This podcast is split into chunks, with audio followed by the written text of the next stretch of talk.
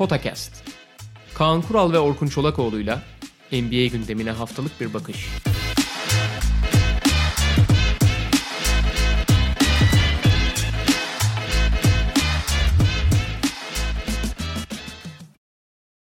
Merhaba Potakast'e hoş geldiniz. Kaan Kural'la birlikte geçmiş draftlara baktığımız Potakast'lerin sonuncusundayız 2017 draftıyla. Bugünle birlikte 2017 draftıyla birlikte son vereceğiz. Ee, en azından şimdilik diyelim. Çünkü bir draftları bitirdik yani artık ee, dibe kadar geldik. 2018 ve 2019 kalıyor e, yapılmış draft olarak. Onlar da fazla yakın olduğu için henüz konuşmak istemiyoruz. İkincisi yavaş yavaş NBA'in tekrar başlamasına dair planlar netleşiyor işte e, tarihler. Olası formatlar ortaya atılıyor. Bu da bizim tekrar aktüel basketbolu konuşabileceğimiz günlerin yaklaştığı anlamına geliyor. Tabii ki yani hemen e, iki hafta sonra başlamayacak bu iş ama yavaş yavaş yani o tempoya, normal tempomuza da dönme imkanı bulacağız. Yani 2018 hatta 2017'yi bile belki yapmayabilir. Çünkü şu ana kadar yaptığımız programlarda da gördüğümüz gibi hani çaylak kontratı bittikten sonra artık daha da net bir resim verilebiliyor. Ha tabii ki drafttan bir ay sonra bile söyleyecek çok şey oluyor insanların ama asıl büyük resmi yani asıl böyle draft değerlen bizim yaptığımız gibi hani drafta bakış, draft değerlendirmesi gibi şeylerin ancak dördüncü seneden sonra falan daha olgunlaştığını gördük. Yani bunun geçtiğimiz draftlarda kaç tane örneği var işte. Yani Kawhi Leonard'ından yani Antetokounmpo'suna vesaire vesaire. O yüzden ya 2017 ile birlikte biz de final yapalım dedik ki 2017 için bile yani mesela birazdan bahsedeceğiz. Jason Tatum'un bu pandemi süreci iki ay önce başlasaydı Jason Tatum'dan çok farklı bahsediyor olabilirdik mesela yani. Peki sıradan girelim. Evet. Bir Markel Fultz sonrasında NBA tarihinin en enteresan vakalarından birine dönüştü Markel çok Fultz. Acayip. Hakikaten çok acayip. Ee, ancak yani 2017 draftı öncesinde Markel Fultz'un bir numara seçilmesine dair çok fazla şüphe yoktu. Bunu bir kenara koymak gerekiyor. Özellikle draft yaklaştıkça yani hani drafttan 2-3 ay önce belki yanında mesela Lonzo Ball çok telaffuz ediliyordu. Hatırlıyorum ben. Fakat özellikle dra- drafta yaklaştıkça hangi takım bir numarayı alırsa alsın hatta Markel Fultz'un ilk sırada seçileceği konusunda çok fazla şüphe kalmamıştı kafalarda. Aynen öyle abi. Ee, yani Hani bu Philadelphia değil pardon. Philadelphia değil Lakers ya da Boston olsa da böyle olacaktı gibi en azından o zaman düşünülüyordu. Zaten hani Boston'a daha doğrusu Brooklyn'e çıktı draft hakkı. Ama o hak Boston'da olduğu için Boston'a geçti. Evet. Boston'da takasla 3. sırayla değişti. 3. sıra artı bir draft hakkıyla değiştirdi. Fakat Markel Fultz'un bir numara olacağı gerçekten yani %99 konsensus olmuş gibiydi. Yani bütün draft listelerinde bütün herkesin beklentisinde bir numara olacağı söyleniyordu. Sezon boyunca performansı hiç hemen hemen hiç sorgulanmamıştı. Çünkü şey var. Daha sonra da bir deneyen şey dedi. Bizim için Jason Tatum her zaman bir numaradaydı. Biz bir olsa yani birde kalsaydık evet. da Jason Tatum'u seçecektik dedi. Ee, ne kadar gerçekçi ayrı bir konu. Yani hani sonradan konuşmak kolay çünkü. Ben ona sonra Ama... ikna oldum gerçi. Yani başta ben de biraz ya hadi falan diye e, içimden düşündüm. Sonradan şeyden ikna oldum abi. Bir yani o takası yaptılar sonuçta. indiler. Tabii, tabii. İkincisi herhalde yani Kyrie Irving konusuyla falan da birlikte düşününce e, Tatum'un o takıma daha iyi bir parça olacağını düşündü. Şöyle ama yani e, o takası yapmamış olsaydı yani Tatum'u daha değerli görüyor olsaydı bile başka bir yöntemle hani Fultz'u gene biri seçip yani kendi takımında tutmasa bile Tatum'u almaya çalışabilirdi bence. Yani bilemiyorum. Neyse. Sonuç itibariyle haklı da olabilir. E, takası da yaptı sonuçta haklısın. Bir numara gibi gözüküyordu. Fakat şöyle bir şey var abi. Şimdi Fultz'un yaşadıklarını anlatmaya gerek yok işte. Torakik sendrom yüzünden kolunu kaldıramaması, yani bir buçuk seneyi kaçırması sonra döndükten sonra da başka bir oyuncu gibi oynaması ya o Washington'da gösterdiği şeylerin çok azını gösterebilmesi bunlar hep önemli e, yani en büyük bilinmeyenlerden biri NBA'de. Sen de haklısın. Fakat ilk seçilirken de mesela Philadelphia'nın zaten kurduğu yapıya işte Ben Simmons, Joel Embiid, işte Noel vesaire yapıya çok doğru bir parça oturacak gibi gözüküyordu. En azından kağıt üzerinde.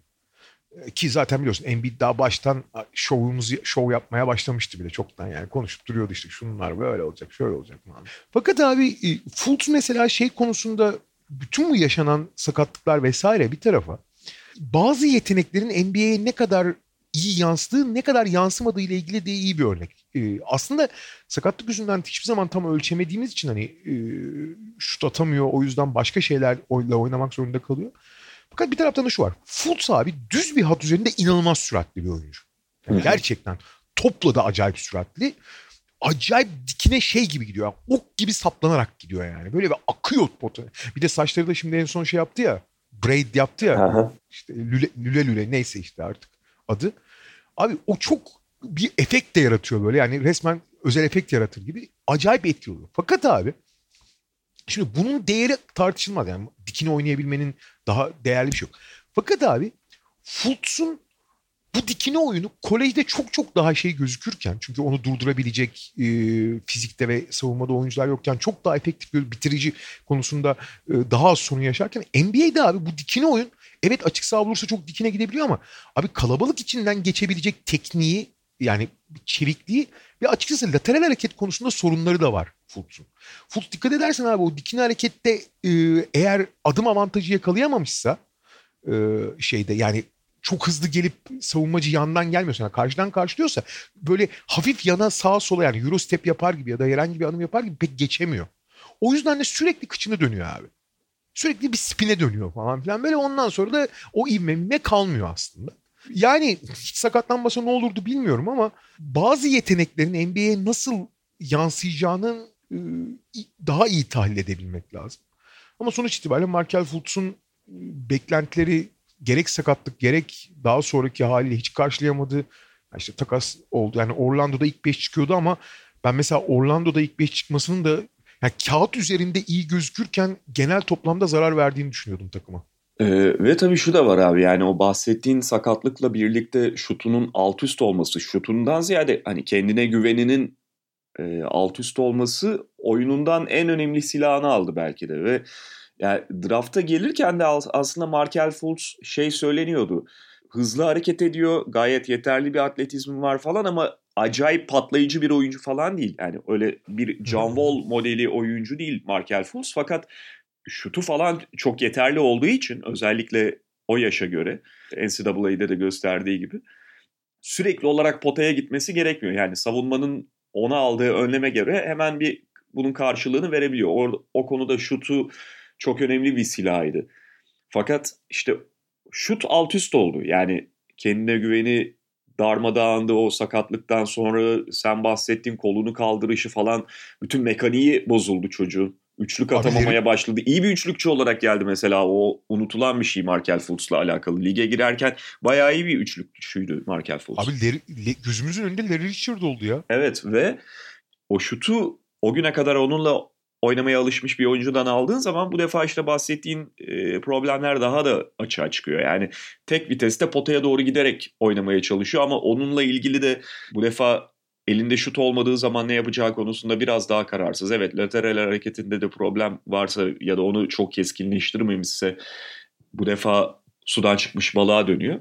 Ha, yavaş yavaş adapte olmaya başladığını gördük ama tabii ki 2017 yılında lige girerken onunla konuşulanlar çok daha farklı şeyler. Yani bu adamın James Harden olması bekleniyordu ligde. Bu arada bir de şey var tabii abi. Beni en çok ilgimi çeken abi dikine hareketle lateral hareket aynı şey değil abi.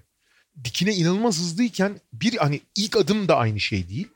E, lateral olarak yana hareketinde falan da çok sorunu var şeyin e, Fultz'un.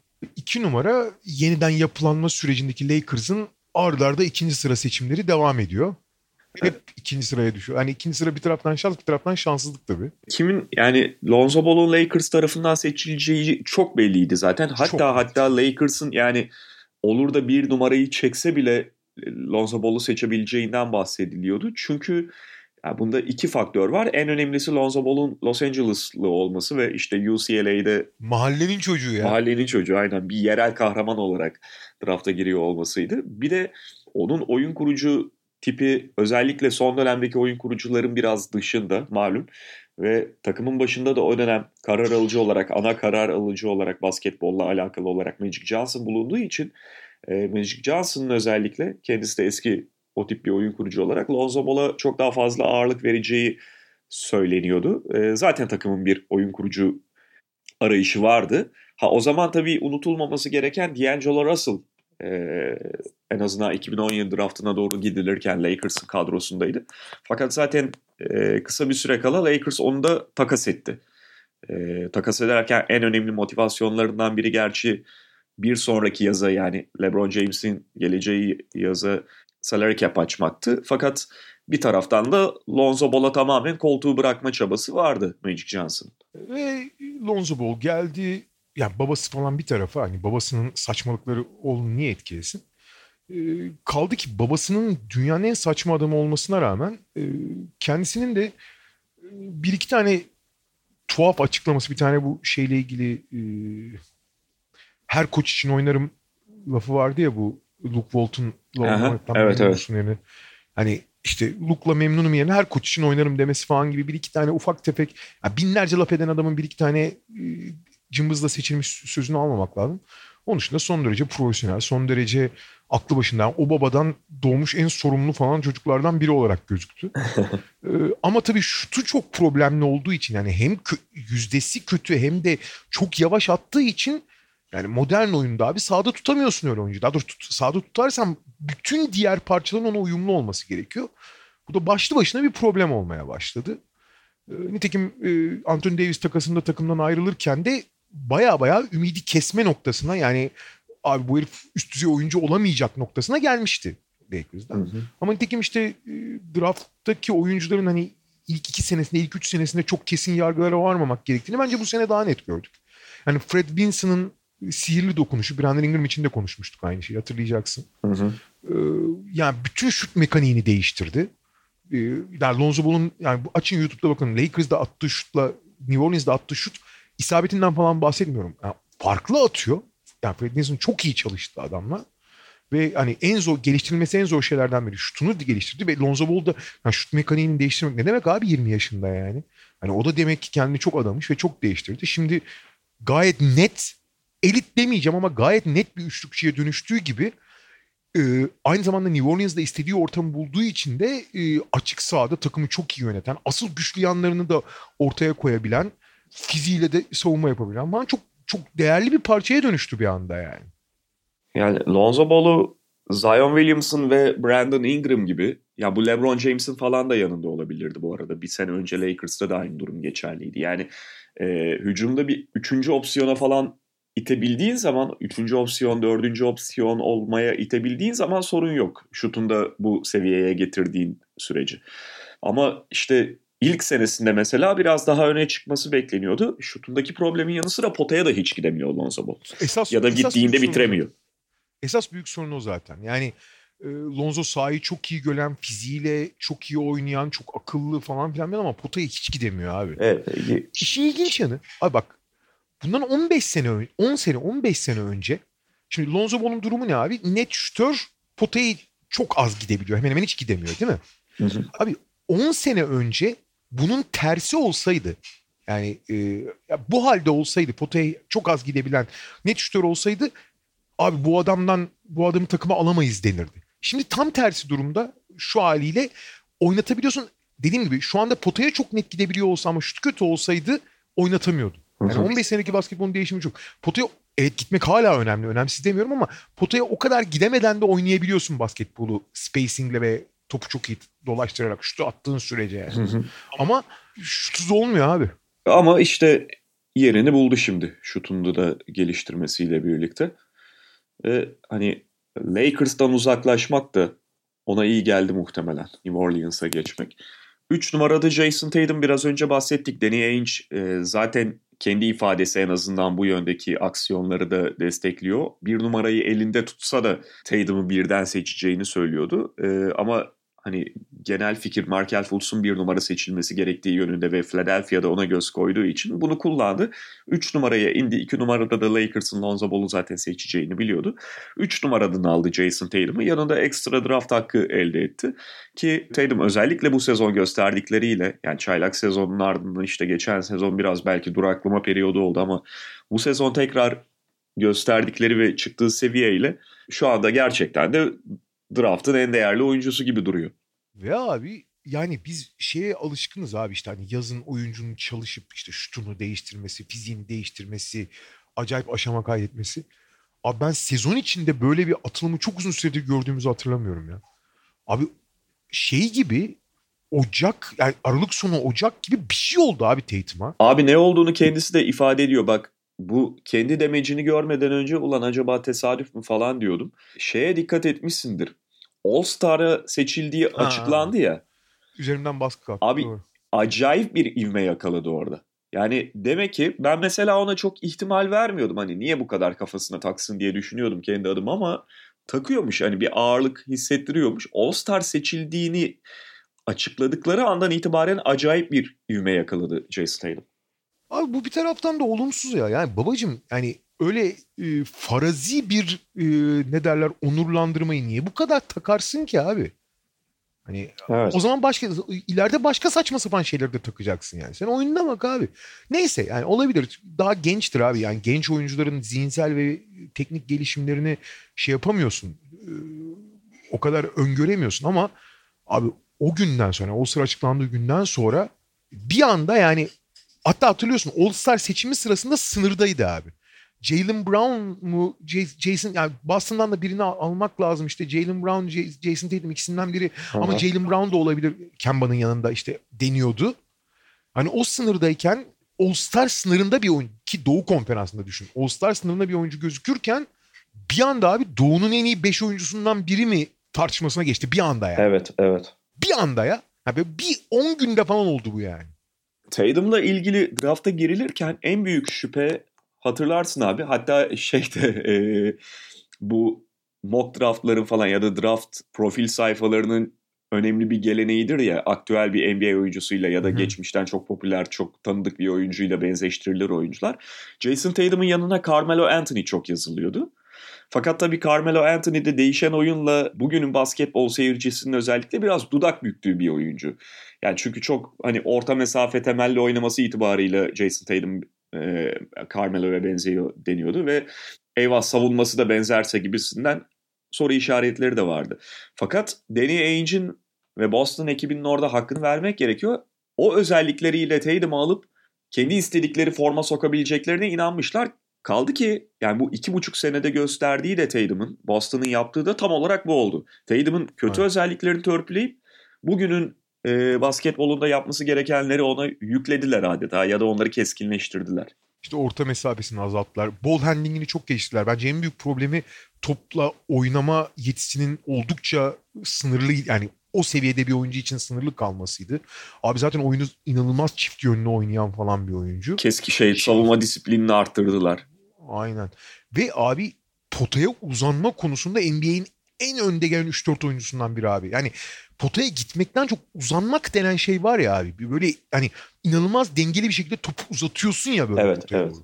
O acayip başka bir şey abi. Bu yani ne kadar çalışırsan çalış bir doğal bir e, vücudu uzatabilme ve o şekilde dengede kalabilme şeyi var. O Tatum da inanılmaz abi. Resmen kolu uzuyor abi adamın potaya uzanırken bir şekilde. Ee, ve şey bir anda abi hani işte Carmelo Mermelo bir takım benzetme yaparken işte orta mesafe çalışıp kendi kendini baltalarken diye konuşurken şimdi geçen seneki Paul George'la falan kıyaslıyorsun artık yani hani e, MVP yarışındaki Paul George yani komple yani komple dış oyuncu. Bugün hani e, işte diyoruz ya e, basketbolda en büyük farkı yaratan oyuncular çift yönlü oynayan, topla oynayabilen kanatlar diye. Abi o topla oynayabilen çift yönlü kanatlar arasında çok ciddi bir yere geldi. Yani mesela bugün Paul George'la kıyasladığın zaman Paul George da şey olduğu için hani sakatlıklarla dolu bir sezon geçirdiği için biraz soru işareti de yaratıyor o bakımdan. Abi Paul George'la aynı cümle içinde gayet rahat telaffuz eder hale geldik bir anda. ya. Nasıl olduğunu Evet. yani herkes çok şaşkın ama bir anda aynı cümle içinde telaffuz ediyorsun ya. Ve daha 22 Ligin- yaşında. Aynen öyle. Ee, ya o laftan da ne diyorum biliyorsun hep ilk sezonda hep daha 20 yaşında daha 20 yaşında muhabbet yeter abi. Ama şey yani bugün basketbolda en büyük farkı yaratan çift yönlü toplu oynayabilen kanatlar arasında yani hiyerarşide bir anda ilk 3'e ilk 4'e girdi yani Jason Tatum. Abi önüne kimi yazıyorsun mesela? Düşün abi. Kimi yazıyorsun önüne? Yani Durant'in şey olmadığını olmadığını varsayıyoruz. Şu anki senaryoda yok. İşte Kavai'yi yazıyorsun. Paul George'u şu anda önüne yazıyor musun? Abi yazarsın anda yine yazarsın ama yani Şu anda yazarsın evet ama şey değil hani George'un da tam sağlıklı ol- olup olmayacağı çok ciddi soru işareti. Abi kaç tane sakatlık geçirdi Paul George ya? Hani bacak kırığını falan bıraktım. iki omuz bilmem ne falan derken iki kere hamstring hamstring kaç sakatlık geçirdi yani son bir buçuk senede. E şey yani LeBron tabii ki. Bakıyorum bakıyorum başka Yanis. Hani Yanis kanat sayıyor musun? Ben Yanis bence pota altı oyuncusu. Yanis Bence de abi sayamam. ben çok onu hani Ya- wing olarak görmüyorum. Ya wing savunabiliyor falan diye hani biraz şey yapılıyor. Biraz wing'de oynayabiliyor ama wing değil bence de. Yani pivot abi. En çok 5 numara 5 numara oynuyor Yanis yani. En çok 5 numarada işte. Kaldı ki hadi saysam bile zaten o çok elit bir tabaka yani bu bahsettiğimiz oyuncular. Evet, LeBron'du, yani- Yanis'ti işte oynarsa sağlıklıysa Durant'ti bilmem ne. Evet. Yani hakikaten yani işte mesela Bradley Beal da çok acayip müthiş bir sezon geçirdi abi. Ya Bradley Beal'la falan Bradley Beal'dan daha iyi demek için belki biraz erken ama yani Bradley Beal falan hani 10 tane isim sayamazsın abi. 10 Abi- tane sayamazsın yani. Ya Bradley Beal'a göre şöyle bir şey var abi. Bradley Beal ya mesela ofansif olarak falan hala Bradley Beal biraz daha keskin bir oyuncu diyebilirsin ama Jason Tatum da daha fazla pozisyon savunuyor abi. Tabii tabii. Öyle Daha düşünmek uzun, daha gerekiyor. uzun, daha uzun. Şey Bradley Beal da biraz oyun kurucu olarak da. Neyse önemli değil. Yani söylemeye çalıştığım o roldeki e, oyundaki en etkili rol olan kanat pozisyonundaki en önemli 4-5 oyuncudan biri. Kaçıncı sırayı yazdığın şu an için çok önemli değil yani. Aha. Ee, 4 Josh Jackson arıza seçti geliyor deniyordu. Arızanın kralı geldi. Yani. arıza arıza geldi. Arıza gitti en azından Phoenix'ten. Evet. Ee, ya belki hani evet uzak durmaları gerekiyordu. Şimdi oyuncu profili olarak Phoenix'in aradıklarına karşılık veriyordu gibi gözükebilir ama Phoenix gibi takımların da Jackson gibi oyuncuları idare etme konusunda belki kendisine çok güvenmemesi gerekiyor. E, Artı e, yani güvense bile yeteneklerini tam okuduklarına da emin olmam lazım ama hani işte 2003'ten 2017'ye geldik. E, toplam 15. draftım. Yani değerlendirdiğimiz 15. draft. Yani 15 draftta Phoenix'in yaptığı hatalardan ansiklopedi olur yani. Phoenix, Minnesota ve Sacramento'nun draft hataları komedi yani komedi dizisi gibi yani. Ama Josh Jackson da yani hiç istediklerini veremedi. Hani çok atlet fizikli bir kanat vesaire ararlarken hani tam bir arıza buldular ellerinde. İşte verim alamadılar. Phoenix, Sacramento ve Minnesota'nın draft hataları demişken belki de e, son 10 yılda hani DeMarcus Cousins'la birlikte sürekli lotaryadan seçip, sürekli üst sıralardan seçip, sürekli saçmalayan Sacramento'nun Cousins'la birlikteki yegane iyi seçimi geliyor hemen arkadan. Evet, De'Aaron Fox. Kaldı ki çaylak sezonu bayağı kötüydü Fox'un. Yani e, çok kötüydü der misin bilmiyorum. Hani şey değildi. Bu bu, bu, bu denli etkili Zayıftı değildi. diyelim. Evet. Zayıftı diyelim. Fakat yani birincisi direkt Sacramento'nun ihtiyacını karşılayacak tipte bir oyuncuydu. İkincisi işte yetenek olarak falan da önünde arkasında yani önündeki her oyuncuyu demiyorum ama Josh Jackson'la, Jonathan Isaac'le, Laurie Markkanen'le falan kıyasladığında da e, onların arasında ilk seçim olması bek- gereken oyuncu De'Aaron Fox ve Kings'in senin de söylediğin gibi son yıllarda yaptığı en önemli, en başarılı hamlelerden biri oldu. Ya inanılmaz süratli. e, sağ görüşü acayip. E, biraz devamlılık problemi var ve e, çok çabuk hani psikolojik olarak daha biraz zayıf gibi. Keza fizik olarak da öyle. Ama onların ikisinde gençliğine yazıp hani henüz oradan negatif puan değil henüz o dersleri almadı. Yani o dördüncü sınıf dersleri dediğimiz dersler diye düşünürsek. Ya benim bu draftta e, en yüksek potansiyel gördüğüm 2-3 oyuncudan biri. Yani ben bugün Şimdi birazdan geleceğiz. Bir iki tane daha önemli isim tabii ki var ama hani bugün e, hala Tatum'un arkasında ikinci seçilebilecek oyuncu olduğunu düşünüyorum. Yani draft baştan yapılabilse. Hemen gerçekten çok ciddi süperstar potansiyeli olduğunu hala ne, çok net düşünüyorum. E, o devamlılığı çok sergileyemedi. Özellikle geçen sene müthiş çıkış yapmıştı. Sakatlık o da sık sakatlanıyor bu kadar genç yaşına rağmen vesaire ama abi bugün topla oynayan gardın yani hani ana top yönlendiricisi gardın sürati tabii ki çok önemli. Bunu şutuyla birleştirebiliyor mu? Bir, ne, e, elit olmasa da net bir şutör. Olağanüstü bir atlet. Sürat yani diğer gardların sürat parametrelerinin çok üzerinde. Yani John Wall'a yaklaşan bir sürati var. Sağlıklı John Wall'a. Bu zaten büyük avantaj. Fakat onun dışında abi Darren Fox'u en önemli farklı kılan abi Darren Fox işte çok çok çok çok çok nadir oyuncuda olan sahada istediği yere gidebilme özelliğine sahip abi. Hiçbir şekilde önünde duramıyorsun abi. Darren Fox nereye yani bugün Shane Larkin'in EuroLeague'de yaptığını Darren Fox NBA'de yapabiliyor büyük oranda. %100 olmasa da. Sahada istediği yere gidiyor abi. Ha bunu istikrarlı bir şekilde doğru yere giderek doğru avantajları sağlayarak değerlendirebiliyor mu? Henüz hayır. Ama bunu yaptığı anda e, bir anda süper yıldız sınıfına transfer olacak abi Fox. Bence yapabilirse eğer. Bir de böyle iyice sahayı etrafında açabilseler onun e, etrafında iyiden iyi o hani istediği yere gidebilme ve sürat avantajını kullanabilecekler de gerçi hani son işte e, Bielitsa'yı 4 numarayı iyice oturttuktan sonra o konuda avantaj sağladı fakat zaman zaman da spacing konusunda problemli takımlarda oynadı De'Aaron Fox. Abi işin ilginci özellikle geçen sene en başarılı olduğu yer Bielitsa'nın 5 oynadığı şeylerdi. Senin söylediğin sahayı açabilme konusunda evet. Bielitsa'nın 5 oynadığı bölümleri e, dakikaları çok verimli geçirdiler. O da Fox'un verimi arttığı için yani. Bu arada sahanın istediğin yerine gidebilme sadece süratle alakalı bir şey tabii, değil tabii. abi. Yani te- onu teknikle birleştirip patlayıcılıkla birleştirmen gerekiyor. Ve top hakimiyetiyle. E, altıda Jonathan Isaac var. Orlando Magic yine biraz kendisine kalanla yetinmek durumundaydı. Yani Isaac de sonuçta çok iyi bir savunmacı. İyiden iyiye o konuda kendini geliştirdi. Yani bu sezonun ilk bölümünde sakatlanmadan önceki performansı da çok dikkat çekiciydi ama Orlando'nun ihtiyaçlarıyla birlikte düşündüğünde de e, bir türlü Orlando esas kendisine gereken oyuncuyu bulamıyor, alamıyor. O sıralara çıkamıyor çünkü. Yani 5'ten 6'dan seçtiğin zaman biraz işte o tabakada kendine kalanı yemek durumundasın, almak durumundasın. Ama Isaac de çok ilginç bir oyuncu olduğunu, ya belki bir lokomotif değil ama yani yemekli vagon gibi çok özel bir işlevi olacak bir oyuncu olduğunu gösterdi. Yani tam bir savunma Abi hücumda oyun yapmakla savunmada oyun yapmak diye bir şey de var abi. Hücumda oyun yapmak bireysel olarak görüyorsun abi işte adamını geçiyorsun, turnike yapıyorsun, oyun yapıyorsun ya. Yani. Abi savunmada yapılan oyunlar çoğu zaman direkt skorboarda veya direkt sonuca yansımasa da abi savunmanın temeli abi Jonathan Isaac kadar oyun yapan işte top çalan, blok yapan, o uzun kollarıyla her yere yetişen falan oyuncu bulmak da gerçekten çok zor. Onlar da orada çok ilginç bir cevher bulmuş durumdalar yani. İnanılmaz yani. Inspector Gadget gibi herif ya. Kollar, mollar, uzanışı bilmem nesi. Orlando'nun kulüp kültürü kültürüyle de bağdaşan bir Aynen. profil. Şut atmayan oyuncu alalım abi. Şut, şut atan oyuncuya ihtiyacımız yok. Kültürüne çok yakın mı? Atlet, kollar uzun. Aynen. Ama şutu problemli. Isaac'i draft edip daha sonra ertesinde Alfaruk Aminu'yu falan alıyorlar abi bir de yani. Aynı Arada Mo Bamba'lar falan. Evet. 7 numarada Laurie Markkanen var. Chicago Bulls'un seçimi oldu. Yani Minnesota'dan e, Chicago'ya geçen bir şeyle. Takası da tam olarak söyleyelim bu arada. Tabii e, işte malum Thibodeau e, Chicago şey Minnesota'nın başına geçmişti. Bu Jimmy Butler takasında Minnesota'ya geçen şeylerden biri 7. pardon Chicago'ya geçen şeylerden biri 7. sıra hakkı. Zach Lavine ve Chris Dunn'la birlikte. Onların da yani şöyle 7. sırada özellikle çok fazla belki düşünmelerine gerek kalmadı. Ve çok istiyorlardı Mark Cannon'i zaten.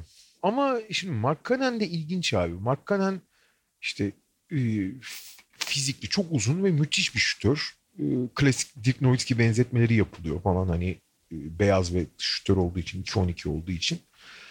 E, iyi bir hücumcu. Ama abi o özellikle Zach Levin'le falan yan yana olduğu zaman boş kalori kavramını çok fazla karşılıyor abi. Yani sayı atıyor, sahada iyi de gözüküyor böyle dikine fena oynamıyor gibi gözüküyor ama abi savunmada şey gibi e, yani elektrik direğinden hallice topla çok az oynayabiliyor. Dikine oynadığı zaman yani önünde kullar o zaman potaya gidebiliyor topla ama topla herhangi bir yaratım yok yani. Topla sadece süratli düz bir hatta gidiyor tren gibi yani. En ufak bir yön değiştiremiyor falan. Ee, sakatlık problemleri onu da çok erken dönemde e, biraz baltaladı. İyi bir yapının çok değerli bir dördüncü, beşinci oyuncusu olabilir ama e, o eğer onu birinci, ikinci oyuncu e, rolüne soyunduruyorsan o daha büyük problemler yaratıyor katkısından. Ya evet hani Laurie Markkanen gibi oyuncuların sırıtmaması için ya da gerçekten iddialı olabilecek, gerçekten şampiyonluk iddiasında o civarlara aday olabilecek bir takımda sırıtmadan oynayabilmesi, yer alabilmesi için işte mesela partneri olan skorer partnerinin Zach Lavine'den farklı bir profil olması gerekiyor. Daha çift yönlü bir oyuncu olması gerekiyor. Öte taraftan pivotun mutlaka onun açıklarını kapatabilecek tarzda bir e, oyuncu olması gerekiyor. Wendell Carter ileride belki oyuncu olabilir o ayrı konu ama sonuçta o e, daha da genç. Yani gidecek yolu var. En azından ee, kağıt üzerinde gayet iyiydi aslında. Wendell Carter'la e, biraz belli şeyleri kapattılar yani. Evet, evet. Ama ama bak abi şimdi e, Krista'nın 3 numaraya geçirmelerinin en büyük sebebi işte Zach Lavin ve Laurie Markkanen'in yarattığı problemleri kapatmaya çalışmak oldu yani. E, şimdi Wendell Carter Jr., Chris Dunn falan çok ekstra çalışarak e, çok iş yaptılar orada yani. Ama işte yani orada birçok şey de Zach Lavine'e bağlanıyor. Kaldı ki işte biraz önce söylediğimiz gibi Zach Lavine de aynı takasta Chicago'ya gelmiş oldu. Fakat takımın lideri bellenen oyuncu böyle koçun otoritesini çok sarsan, sürekli onunla oynayan, çomak sokan tipte bir oyuncu olduğu ve onun oyun kültürü, kendi oyun kültürü de sadece kendi skoruyla ilgilenen tarzda olduğu zaman Laurie Markkanen de orada bu defa daha sırıtan bir parçaya dönüşüyor. Yani çünkü ara, bir kere ideal takım ortamından çok uzak kalıyorsun. Chicago malum. Belki bu yeni yönetimle farklı bir yola gidebilirler. O da ayrı. Sonra iki tane başarısız seçim var arka arkaya. 8'de Frank Nilikina, e, New York Knicks o zaman Phil Jackson henüz basketbol operasyonları başkanıydı. Tabii biraz buralar biraz daha hani seçim yapması zor noktalar. Çünkü baştaki oyuncular kadar işte bir Tatum gibi e, ya da sakatlık öncesi Fultz gibi çok net güvenebildiğiniz oyuncular yok. E, takımlar bazen ihtiyaçlarından ziyade e, potansiyele yönelebiliyorlar ya da kararsız kalabiliyorlar. Nilikina'dan da belki ne Phil Jackson ne New York Knicks çok ikna olmuş değildi. Fakat bu bölümde bu oyuncular arasında daha güvendikleri bir oyuncu oldu. Ve Phil Jackson üçgen hücuma uyar diye almıştı. Ee, bir Fizikli guard. Var. Fizikli guard, uzun kollu falan diye. Ee, zaman zaman ışıklar verdi Nilikin ama bunu hiç yani küçük bir döneme yayamadı. Hani iki maç var, üç maç hiç ortada yok diye. Dokuzuncu sıra seçimi Dennis Smith Jr.'ın aslında draft günü çok başarılı oldu, seçim olduğu söyleniyordu hatırlarsın. Yani ilk dörtte evet. beşte bile seçilebilir belki falan deniyordu. Çünkü inanılmaz bir atlet. E, dikine acayip süratli vesaire e, deniyordu ki ha öyle gerçekten öyle. Ama evet inanılmaz bir atlet. Evet dikine çok süratli. Potaya inanılmaz bir süratle gidebiliyor. Ama başka yani ne tekniği ne şutu ne e, saha görüşü ne, ne beyni disiplini ne beyni hiçbir şey yokmuş abi. Ve abi yani bu tip oyuncular mesela belli ortamlarda kurtarılabilir ama en kendisi açısından kötü yerlerden birine gitti. Şu bakımdan Rick Carlisle yani Rick Carlisle'ın şimdi koçluğunu falan anla, anlatmaya gerek yok. Burada e, Rick Carlisle eleştirisi yapmayacağız ama Carlisle'da bu kadar kafası oyuncuya tahammül etmez fazla. Yok hiç. Ya mesela evet. Doncic tipi bir çayla oynatır. Tamam Doncic farklı bir profil yani farklı bir statü ee, ama oyuncu tipi olarak da Carlisle'ın sabrını çok test eden ve hiç Carlisle'a uymayan tipte bir oyuncuydu Dennis Smith. Ama yani o zamanlar hep aynı şeyi konuşuluyor. Sen de ben de söylüyorduk hatta. Carlisle tipi değil diye. Çok da doğru. Ama e, Carlisle tipi olmaması asıl sorun değilmiş. Şeymiş yani bu çok kötü bir şaseye, çok kötü amortisöre, çok kötü e, suspansiyona müthiş bir motor takmışsın. Ama yani o motor yani ne aerodinamik var ne bir şey. Yani son derece kontrolsüz bir araba gibi yani. Hiçbir işe yaramıyor. Yani yarışamazsın onunla. Onu net bir şekilde görüyorsun. Sonrasında da o Porzingis takasında New York Knicks'e gönderildi ki o, o da oyuncu açısından farklı bir talihsizlik zaten. Yani oyuncunun evet. kendi hataları ile birlikte bir de Knicks gibi saçma sapan bir ortama düşüyorsun. Ondan sonra iyice çorbaya dönüyor. Sonra 10 numarada Zach Collins seçimi. E, bu bence fena bir seçim değil. Bence yani de Portland'ın seçimi. Özellikle etrafındaki oyunculara bakılırsa ve Portland'ın ihtiyacına. Yani Zach Collins hala yeni yeni gelişen bir oyuncu. Yani sakatlık Hatta, öncesinde de öyle gidiyordu. Bir kere ihtiyaca yönelik ve pozisyona pozisyon açığına yönelik bir hamle yaptılar. Abi Zach Collins e, modern oyuna da çok uygun, eldeki yapıya da çok uygun zaten. Yani CJ McCollum, Damian Lillard'da. Bu sezon başında hatırlayacaksınız. Sakatlanana kadar işte hem 3 sayı atabiliyor olması, hem blokçu olması, hem o müthiş enerjisi e, savunmada çünkü e, şey yapacak hani ekstra aktif olacak hücumda da e, biraz takıma boyut katabilecek en azından şutuyla mesafe e, alan açabilecek bir adama ihtiyaçları vardı. Şeyle Yusuf Nurkic eğer olabilseydi çok iyi bir tamamlayıcı olacaktı Yusuf Nurkiç'e. Gerçekten o zaman gardlardaki e, dış oyunculardaki savunma problemini çözebilecek kadar iyi bir ikili olacaklardı potu altında ki yani ne, bir arada ne Collins'in son halini ne Nurkic'i göremedik. İleride belki gelecek sezon görebiliriz. Ee, ama e, sakatlanana kadar da o ilk iki sezonundaki e, dakikada 3 foul yapan e, müthiş enerjisi olduğu halde hiç kendi kontrol edemez Zach Collins'den farklı bir for, e, profile evrilmeye başlamış ve gerçekten değerli olabileceğini göstermişti. 11 numarada Malik Monk var. Charlotte. Klasik bu arada e, Minnesota, Portland ve Sacramento'ya ekleyeceğimiz dördüncü takım. Charlotte Draft, hiç değişmez. Draft'ın draft'ın dört başarı mahşerin dört draft'ın dört atlısı dediğimiz takımlar. ya belki şu konuda haklarını vermek gerekiyor bilemiyorum. Sonuçta bu 11 numara seçimi ne bileyim 6 7 falan değil yani bir 4-5 sıra üstte de değil ve Malik Monk kötü yani kırmızı alarmları da verse de kolejdeki tek sezonunda da Kentucky'de 20 sayı ortalamayla oynamış bir oyuncu. Hani ısındığında çok etkili bir skorer olabildiğini gösteriyor falan. Ama yani özellikle o gün Kemba Walker da hala kadroların, kadrolarındayken o kırmızı bayraklara daha fazla dikkat etmeleri gerekiyor muydu acaba? Bugün geriye dönük bakıldığında Malik Monk'un Charlotte'da yaptıklarına baktığımızda evet hani biraz farklı düşünebilirlermiş diyoruz. Şey çok ilginç abi. Mesela Mo Bamba ile şeyi düşün tamam mı? Malik Monk'u. Mobamba abi 2.13 boyunda 2.30 2.13 mi 2.15 mi neyse 2.15 değil mi? 2.15. 2.30 kulaç çıktığına sahip ama 2 numara ruhuna sahip bir oyuncu. Evet. Malik Monk da abi söyledin 2 numara fiziğine sahip. Ee, işte hatta 2 numara için bile biraz kısa bile sayılabilir. Ya 1.91 yani işte ancak 2 numara e, fiziğine sahip ama e, resmen 4 numara 5 numara kafasında oynayan bir oyuncu. e, bu Mo Bamba için eğer belli yeteneklerini iyice geliştirirse avantaj oluyor ama Malik Monk için hiçbir zaman avantaj olmayacak bu maalesef. Ya Malik Monk'un ki biraz kontrolsüzlükten geliyor çünkü. E, ve Malik Monk yani o zaten daha lige girmeden onunla ilgili söylenen bir şeydi. Kendisini olduğundan çok daha iyi bir oyuncu sanıyor. Ya o aslında pek çok oyuncu için geçerli ve e, kontrol altında olduğu sürece ben onun olumlu olduğunu bile düşünüyorum.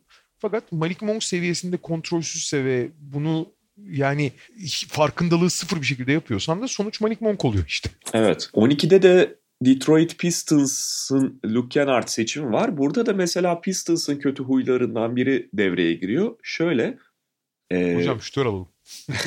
yok şütör almakta aslında bir şey yok da Pistons senelerce e, şimdi birincisi playoff'u kendilerine en önemli hedef olarak koyuyorlar ki bunda bir sakınca görmeyebiliriz. Yani sen onların mesela ekonomik durumlarından falan çok bahsediyorsun. O pazarın, o ekonominin takımında playoff'un öncelikli hedef haline gelmesini çok yadırgamayabiliriz. Fakat Pistons e, Doğu Konferansı'nda da bulunduğu için yani playoff çıtasının daha aşağıda olduğu bir yerde bulunduğu için kendisine hep farklı sezonlarda playoff'a sadece bir adım, bir oyuncu, bir ufak parça uzak görüyor playoff dışında kaldığında dahi ve zaman zaman fazla oraya yönelik hareket yapabiliyor. Yani daha böyle biraz riske atılıp çok daha fazla kazanç elde edebilecekken, çok daha önemli bir oyuncu kadrosuna katabilecekken bu free agent piyasasında da olabilir. Ha bak elimizin altında gözümüzün önünde şu oyuncu var. Bu bizim bütün açıklarımızı en azından kısa vadede ve küçük ölçekli açıklarımızı kapatır. Luke Kennard'da olduğu gibi. Biz bunu alalım riske girmeyelim bu bizi playoff'a sokar kafasıyla hareket ediyorlar. Luke Kennard sonuçta lige girerken de eti budu belliydi. Yani bundan fazla bir oyuncu olması zaten beklenmiyordu.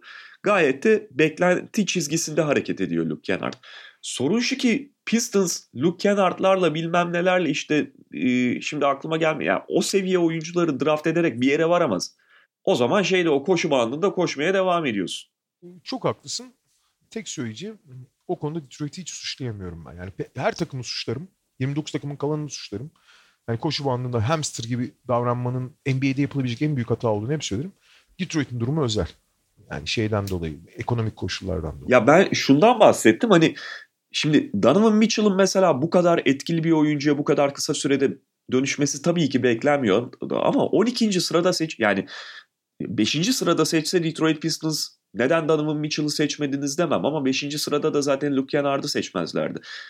E, lakin 12. sırada Luke Kennard'ı seçiyorken arkanda da Donovan Mitchell varsa biraz riske girebilirsin artık Detroit Pistons olarak.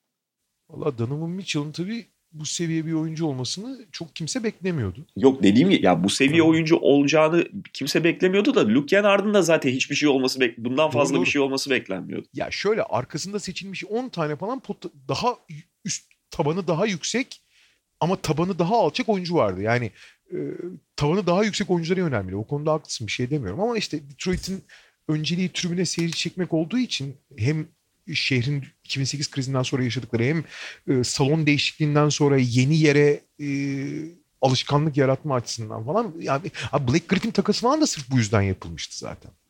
Neyse e, hemen arkasından Donovan Mitchell geliyor. Donovan Mitchell'ın aslında 13. sıradan seçilmesi bayağı sürpriz oldu. Kimse hani lotaryadan seçilmesini kolay kolay beklemedi. Ama şey anlatılıyor abi. Donovan Mitchell Utah'da yaptığı bireysel idmanda o kadar etkilemiş ki Utah yöneticilerini. Utah genel menajeri o zaman şey demiş. Bu antrenmanda olan bitenden bir şeye söz, ed- söz ederseniz sizi kovmakla kalmam gelip evinizde e, gırtlaklarım demiş. Esprili bir şekilde yani. Çok çok çok etkilenmişler yani Donovan Mitchell'dan. Ve o yüzden zaten takas yaptılar alabilmek için. Tabii ya ve bu arada Utah'ın bu tak yani 13'ü elde ederken Denver'dan bunu elde ettiğini de kaçırmamak gerekiyor. Geçen programlarda hep konuştuğumuz gibi Denver Nuggets e, bu dönemin en iyi draft yapan oyuncularından Aynen, biri. kesin. Yani sonuçta e, Utah, Utah da kendisi çok iyi yönetilen, çok iyi yetenek spot edebilen bir oyuncu ve o konudaki en büyük rakiplerinden birini burada belki ekarte ediyor Denver Nuggets'ı. Ha Trey Lyles veriyorlar. Trey Lyles hala kıymetli bir oyuncu o da, e, dönem. Lyles'tan geçtiğimiz programlarda bahsetmiştik hani Utah'da nelerin olmadığından kendisi açısından. E, ama Denver kıymet veriyordu Trey Lyles'a. Ama Trey Lyles'la birlikte mesela 24'ü verip 13'e elde ediyor Utah Jazz. Ve e, senin de söylediğin gibi Denver'da muazzam başarılı yani bu bölümlerde draftta. Ama hiç Donovan Mitchell'a o teşhisi kimse koyamamış zaten Utah dışında. Dikim çok başarılı bir seçim. Sonuçlarını görüyoruz ki e, özellikle bu sene Mike Conley'nin sakatlığında bir numara oynamaya başladıktan sonra asıl yerinin bir numara olduğu ve asıl veriminin de bir numarada olduğu ortaya çıktıktan sonra hani değeri biraz daha artacak. Çünkü iki numarada bir takım eksikleri ortaya çıkmaya başlamış. Çünkü abi seviye arttıkça, oyuncudan beklentiler arttıkça yapabildikleri değil yapamadıkları daha çok ön plana çıkmaya başlıyor ya. Hani bir yere kadar yapabildiklerine gidiyorsun. Bir yerden sonra yapamadıkların seni aşağıya çekmeye başlıyor. Tekim Donovan Mitchell'ın iki numarada yani daha doğrusu topla oyn- oynamayan, topla ikinciyle oynayan oyuncu olarak fiziksel eksikleri e, vesaire daha ön plana çıkmaya başladı ama topla birinci oynayan oyuncu olmaya başladığında bu sefer e, o patlayıcılığı, deliciliği, e, tehdidi görece elit seviyede olmasa da sağ görüşüyle falan İngiliz'in ana top yönlendirici yani daha doğrusu trafiğin ana ismi olmasıyla da çok iyi birleşince e, Donovan Mitchell daha da değerli bir yere geldi bence. Oyuncu olarak ben şey e, rakamsal olarak ya da oyuncu olarak şey olmadı. Ne derler? Daha iyi bir oyuncu gibi değerlenmiyorsun ama çok daha verimli, çok daha etkili olduğu bir rolde oynamaya başladı. Bu da Mike Conley'nin iyiden iyiye yani Mike Conley'nin formsuzluğu dışında e, bu takımdaki yerini de iyiden iyiye e, çöpe atan bir durum oluyor gerçi. 14 numarada Draft Show var. Aynen öyle. Yani draft show derken sadece yeteneği tespit edip çekme, onu oradan alma konusunda değil. 14. sırada Bam Adebayo'yu bugün All-Star'a dönüşmüş bir oyuncuyu elde etmek tabii ki çok değerli ama hangi pozisyona hangi sene aldığın da çok kıymetli ve biraz daha etkileyici hale getiriyor. Şimdi 2017 draftında, 2017 senesinde e, Bam Adebayo'yu seçerken Miami Heat o gün kadrolarında Hasan Whiteside var ve Hasan Whiteside'ı o gün de çok beğenmiyor olabilirsin. Ben de hani Hasan Whiteside'dan hiçbir zaman ikna olmadım. Fakat öyle ya da böyle bir sene önce hayvan gibi kontrat verdikleri bir oyuncu Hasan Whiteside. Takımın Ve en o fazla zaman- kazanan oyuncusu mu ne o yıl? Ve o Evet. zaman biraz daha ahlaklı yani bu kadar da tembel değil yani. Tabii tabii yani ve hani 30 dakikası falan sonuçta cepte Hasan Whiteside'ın. Adebayo'yu seçtiklerinde ben açıkçası şaşırdım. Allah Allah yani sonuçta Adebayo bahsedeceğiz hani kendini geliştirdiğinden. Draft öncesi bu profilde bir oyuncu olarak da tarif edilmiyordu. Ve neden Adebayo'yu seçtiler diye düşündüm Hasan Whiteside'ın arkasında ama Miami e, şey bir planı olduğunu sonrasında gel- gösterdi. Bir kere Miami geçen programlarda da konuşuyorduk yani sezon içerisinde de çok bahsettik. Bugün NBA'in bünyesine aldığı bir oyuncuyu başka bir noktaya getirme konusunda en iyi takımlarından biri. Belki de birincisi. Oyuncuyu kendi yapısı, kendi organizasyonunda geliştirmeye de Miami'den daha iyi bir kulüp şu anda sayamayabiliriz. Valla o konuda uzun yıllar San Antonio hep bir numaraydı ama son dönemde Miami ve Toronto galiba o konuda e, ilk iki sırayı almış durumdalar galiba. Evet yani biraz Brooklyn onlara hani omuz atar gibi oldu ama Brooklyn'de onlar kadar yüksek profil değil. Ee, en azından hani şimdilik yeterli değil. Toronto ve Miami'nin e, yaptıkları çok daha etkileyici. Denver da fena değil o konuda. Ama yani var bir sürü aday var ama Toronto, Miami çok gerçekten çok acayip işler yapıyorlar. Bunun arkasından yani burada Biraz lotarya düşüş bitiyor, başlıyor. Lotarya bitiyor. Lotaryadan sonra dört tane falan hani çok etkili olmayan seçim var. İşte e, klasik e, Sacramento başarısız seçimleri takasla aldıkları Justin Jackson hiç istediğini veremedi. Hemen arkasından Minnesota'nın seçtiği Justin Patton. İşte Sacramento ve Minnesota niye başarısız oluyordu? Justin Jackson ve Justin Patton'ı seçtiler arka arkaya. Ee, yani en ufak bir katkı alamadılar da açıkçası. Ee, Milwaukee, DJ Wilson, Milwaukee de bu arada draft konusunda Antetokounmpo'daki en büyük piyangoyu vurmalarına rağmen draft konusunda Antetokounmpo dışındaki şeyleri, dereceleri bayağı soru işareti şeyin Milwaukee'nin bence. Ee, Wilson'ı ben bu arada beğeniyorum da yani çok genç ve şey çok kendisi açısından şanssız bir bölümünde takımın. Son dönemde şey değiştikten sonra e, gelen menajer değiştikten sonra gene fena seçimler var. Arka, arka sıralarda işte Connaughton falan iyi seçimler aslında. Evet. Hani biraz toparladılar. Ondan öncesi çok kötüydü bu arada. Yani Antetokounmpo da dahil olmak üzere. Antetokounmpo biraz çünkü çok başarılı bir kumar ama çok denk gelme meselesi.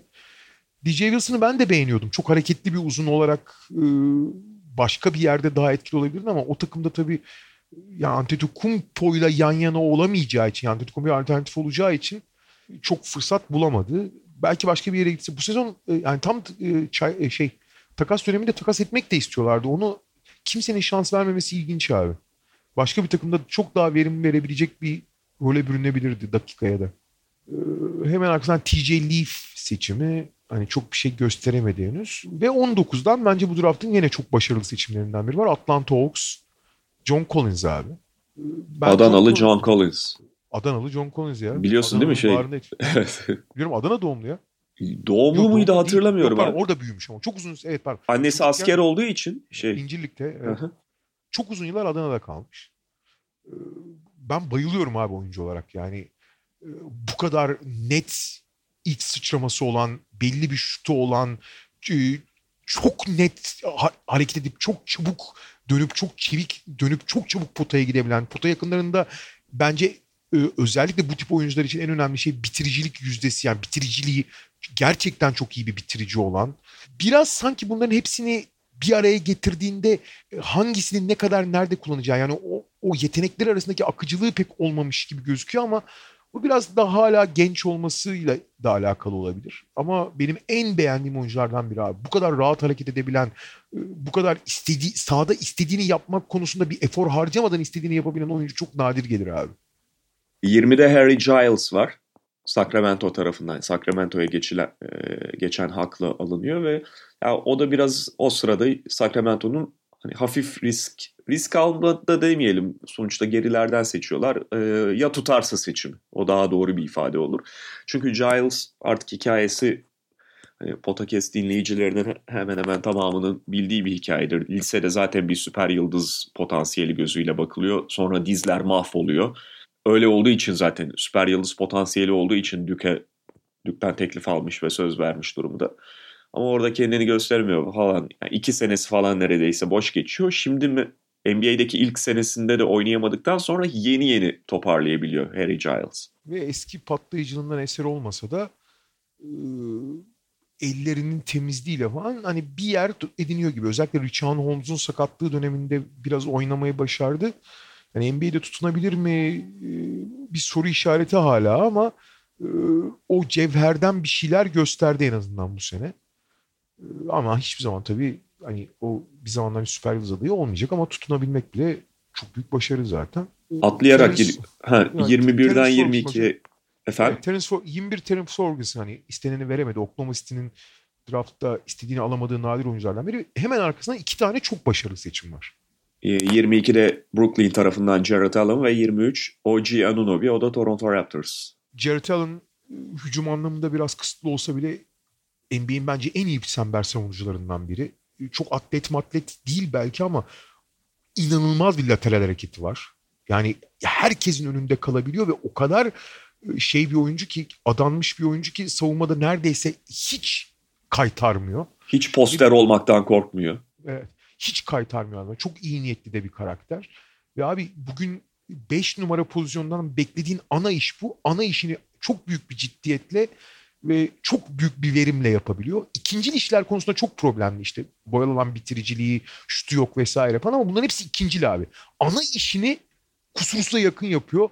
Ve bence bu bile e, çok çok çok çok çok önemli yani. Hani e, Jared Allen'ı ben bugün NBA'deki ilk 10 sırada, ilk 7-8 sıradaki 5 numarayı çıkarırsan direkt e, direkt tercih ederim pek çoğuna. Kendisinden daha şöhretli ve daha iyi olduğu düşünülen pek çok usuna tercih ederim yani. Maalesef kankacılığa kurban, kurban. oldu. Ee, yani aynen. Kevin Durant ve Kyrie Irving'in DeAndre Jordan'ı yanlarında getirme çabalarının sonucunda Jared Allen'ın önü tıkanmış oldu. Kenny Atkinson görevden ayrıldıktan sonra ilk yapılan iş ne olacak bu on tarafından? DeAndre Jordan öne çıkarıldı. İlk beşe çıkarıldı ve hani bundan sonrası da Allen açısından çok parlak gözükmüyor en azından e, birkaç Uyanık. ay kenardan gelmek durumunda kalacak. Uyanık bir tane genel menajer Jared Allen'ı görece ucuza kapatabilirse abi bir takasla Brooklyn'den çok büyük iş yapar abi. Oji Anunobi de gayet iyi bir sezon geçiriyordu. İşte geçen sezon hem Kawhi Leonard vardı önünde hem de e, apandist, apandist patlatmıştı ve oynayamadı ciddi bir süre. Playoff döneminde falan kaçırdı ama kaldığı yerden iyi toparladı, iyi devam ediyor. Ve yani en kritik nokta işte onun şutun nereye gelecek, ne kadar istikrarlı seviyede ceza kesebilecek. Zaten hani en çok değerlendirilen de o işte toplu oynarken de mesela hani hep diyoruz işte ligde artık her şeyi yani en fark yaratan şeyler to- kanatlar.